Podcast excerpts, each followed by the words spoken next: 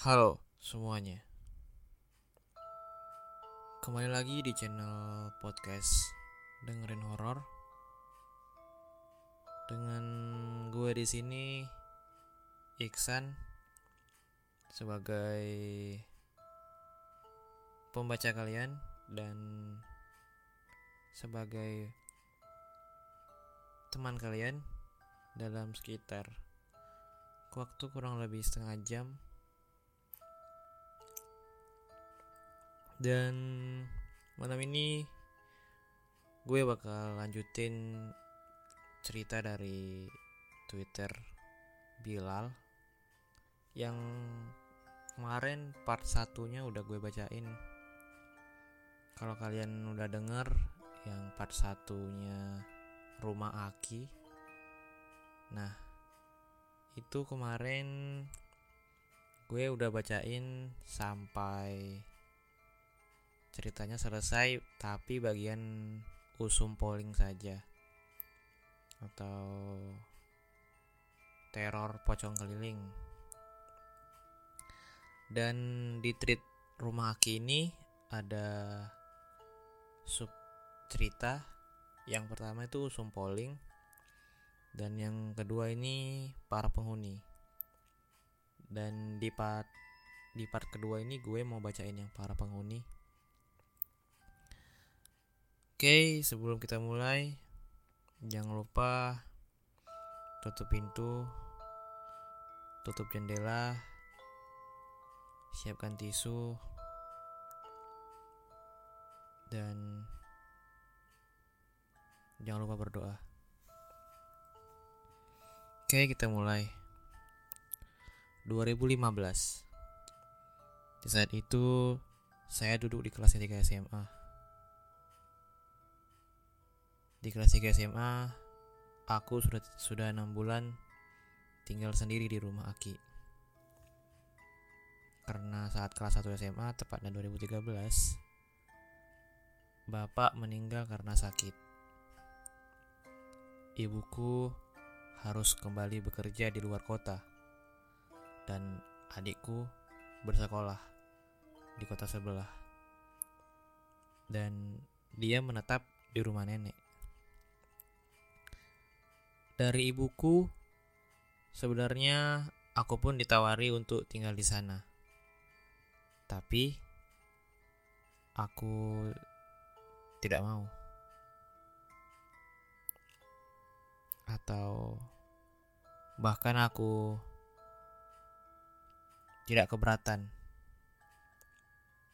dengan keadaan. Aku ingin tinggal di sini di rumah ini rumah di mana aku dilahirkan. Tentunya aku masih belum bisa meninggalkan semua kenanganku bersama bapak. Aku hidup mandiri, masak, nyuci, dan lain-lain aku kerjakan sendiri. Kecuali uang. Tentu saja aku masih dikirimi uang oleh ibuku. Aku gak keberatan atau bahkan mengeluh dengan keadaan. Didikan Bapak kepadaku seolah-olah membuatku tegar menghadapi semua takdir kehidupan. Tinggal sendiri di rumah Aki, memang terkadang ada hal-hal unik di luar nalar yang terkadang membuatku bergidik ngeri.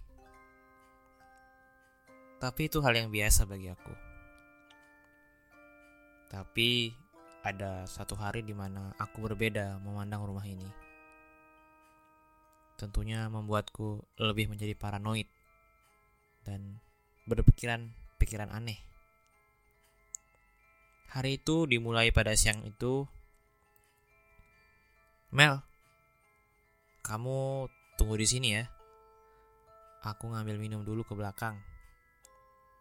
Ucapku kepada Amel yang kemudian duduk di kursi ruang tamu. Amel adalah teman dekatku. Kami tidak satu SMA tapi kami adalah teman satu tim di klub tinju di kotaku. Aku pun pergi ke dapur untuk menyiapkan minuman. Untuk kami berdua yang rencananya akan mengerjakan proposal untuk salah satu event olahraga. Saat aku menyiapkan minuman, tiba-tiba aku dengar Amel memanggil namaku dari ruang tamu. Bill, Bill, sini cepet. Teriak Amel. Ya, bentar.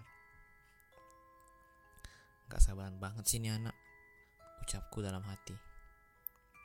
Aku pun bergegas kembali ke ruang tamu dengan membawa minuman dan mengatakan, "Apaan sih Mel? Gak sabaran banget." Ucapku sambil menyimpan minuman di meja dan Amel pun menjawab, Enggak, nanti aja ceritanya. Jawab Amel. Tuh kan, gak jelas banget nih orang. Balas aku. Sekarang aja ceritanya. Emang apaan sih? Tanya aku. Enggak, udah nanti aja. Sekarang mending kerjain proposalnya. Jawab Amel. Singkat cerita, kami pun sudah selesai mengerjakan pekerjaan. Aku mengantar Amel ke rumahnya yang cukup jauh dari rumahku. Hari mulai gelap. Mungkin sekitar jam setengah enam sore, aku sampai di rumahnya. Eh, ada Billy. Ayo sini masuk dulu. Sambut Tante Yuli, ibunya Amel. Kami memang sudah saling mengenal, Iya tante. Mau ikut sholat maghrib dulu di sini boleh ya? Jawab aku. Iya boleh dong. Ayo masuk. Balas tante Yuli. Singkat cerita, aku pun selesai melaksanakan sholat. Kemudian aku menunggu Amel di, di teras rumah. Sampai akhirnya dia datang dan duduk di kursi sebelahku. Eh, Bill, tahu nggak Kenapa tadi siang aku teriak manggil-manggil kamu? Tanya Amel. Eh, iya. Kenapa sih? Gak kerjaan apa? Balas aku. Jadi begini. Tadi di ruang tamu aku aku itu iseng masuk ke kamar tamu. Pengen ikut ngaca di cermin yang ada di kamar tamu itu loh, yang gede. Nah, pas aku lagi ngaca, Jelas banget, aku lihat ada orang lewat dari pintu. Dari pintu luar ke dalam rumah. Jelas banget, itu bapak-bapak pakai baju putih. Kayak baju ustad gitu sih. Cuma yang aneh, aku lihat dia jalannya kayak ngelayang ngelayang aja gitu. Awalnya aku ngira itu om atau saudara kamu, Bill.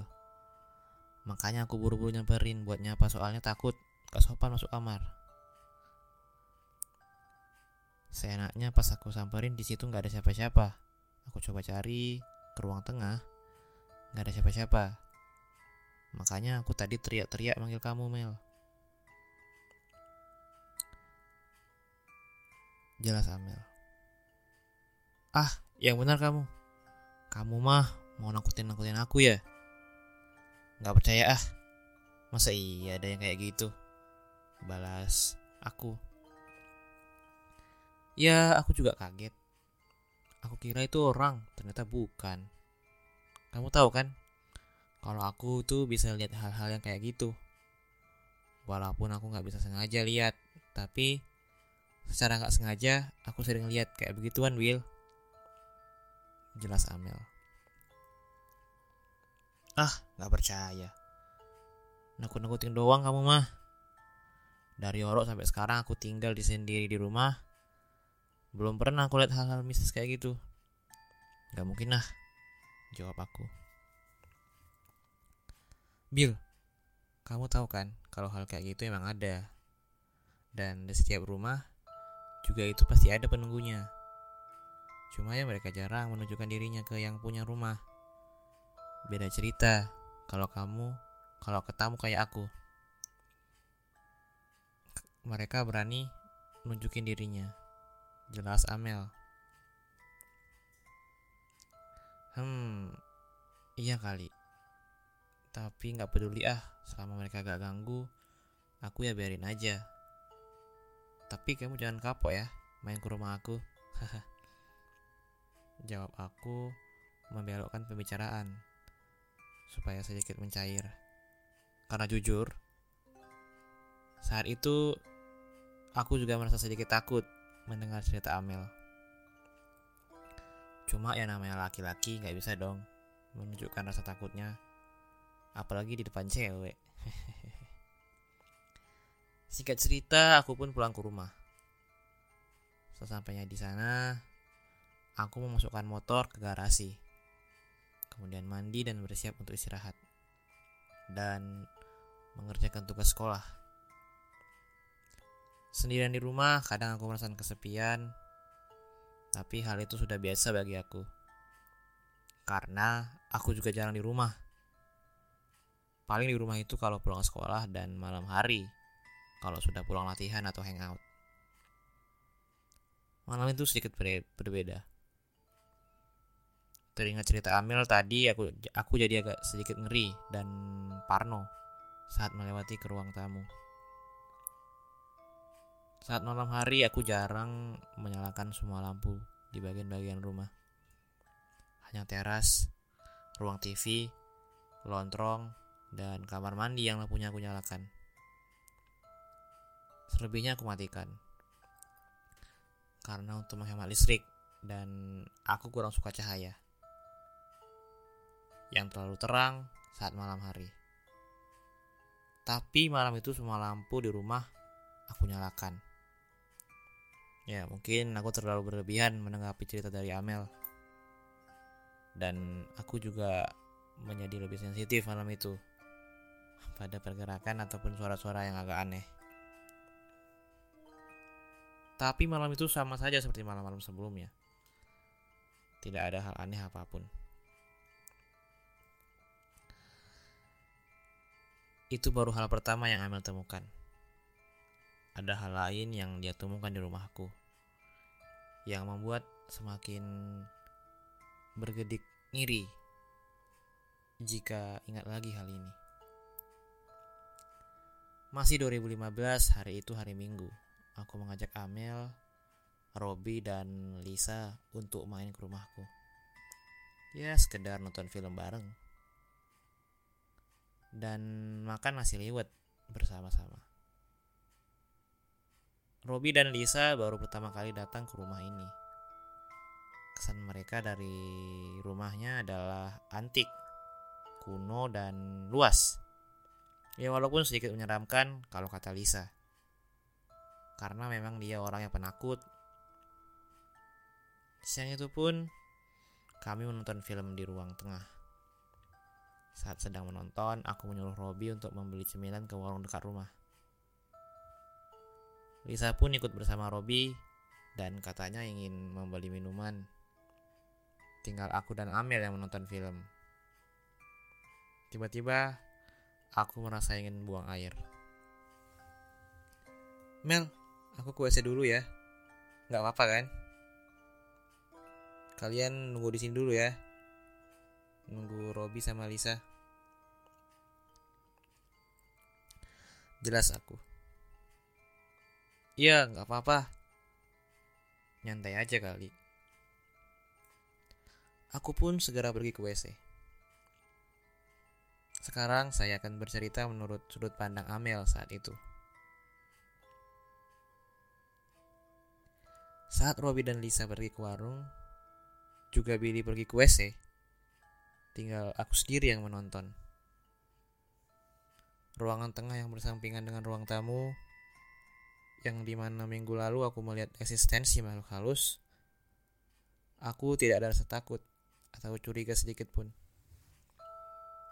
Karena saat itu aku sedang fokus menonton film. Tapi saat tapi sesaat kemudian tiba-tiba listrik mati. Suasana menjadi hening.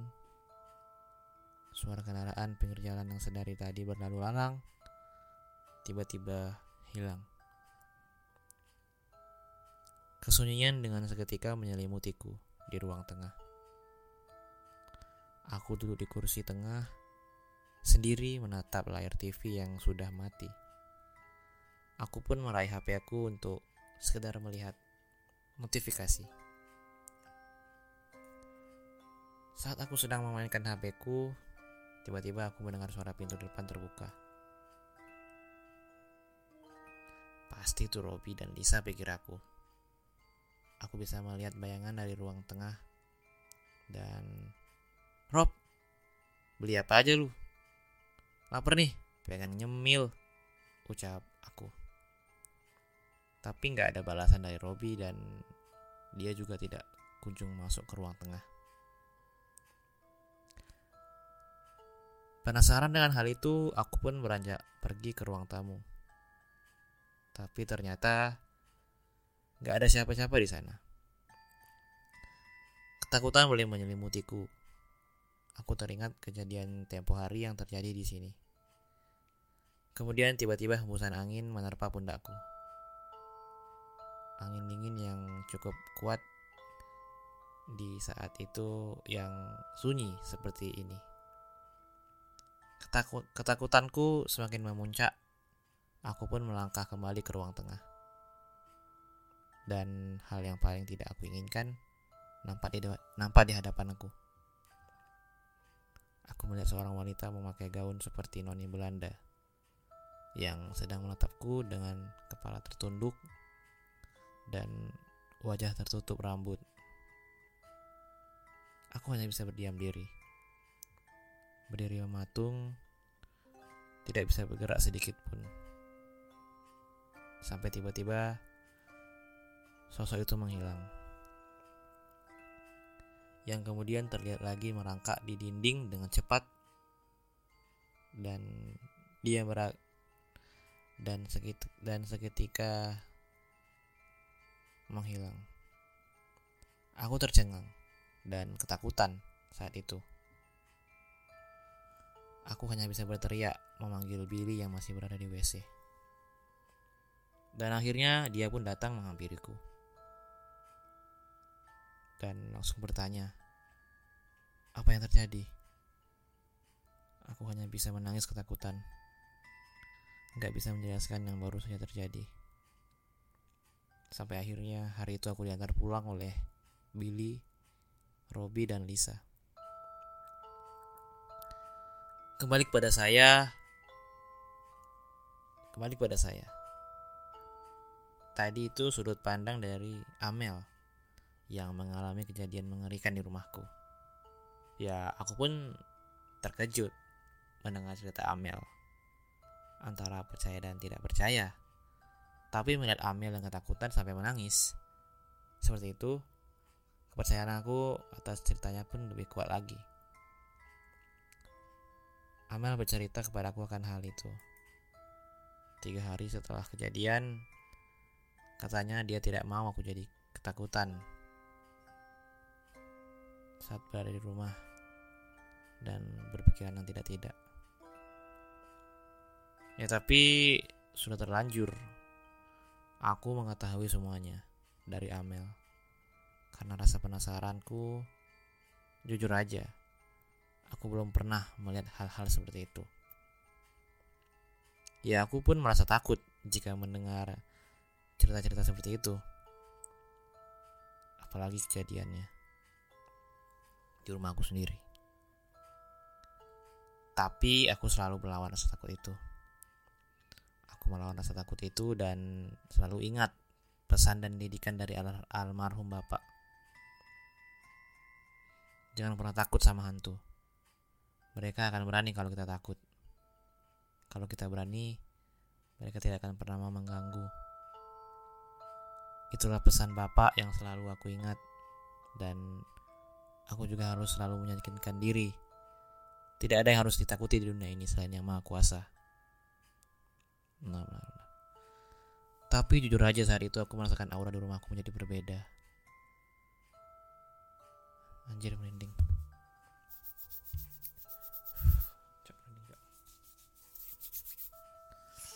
udahlah n n n n cut cut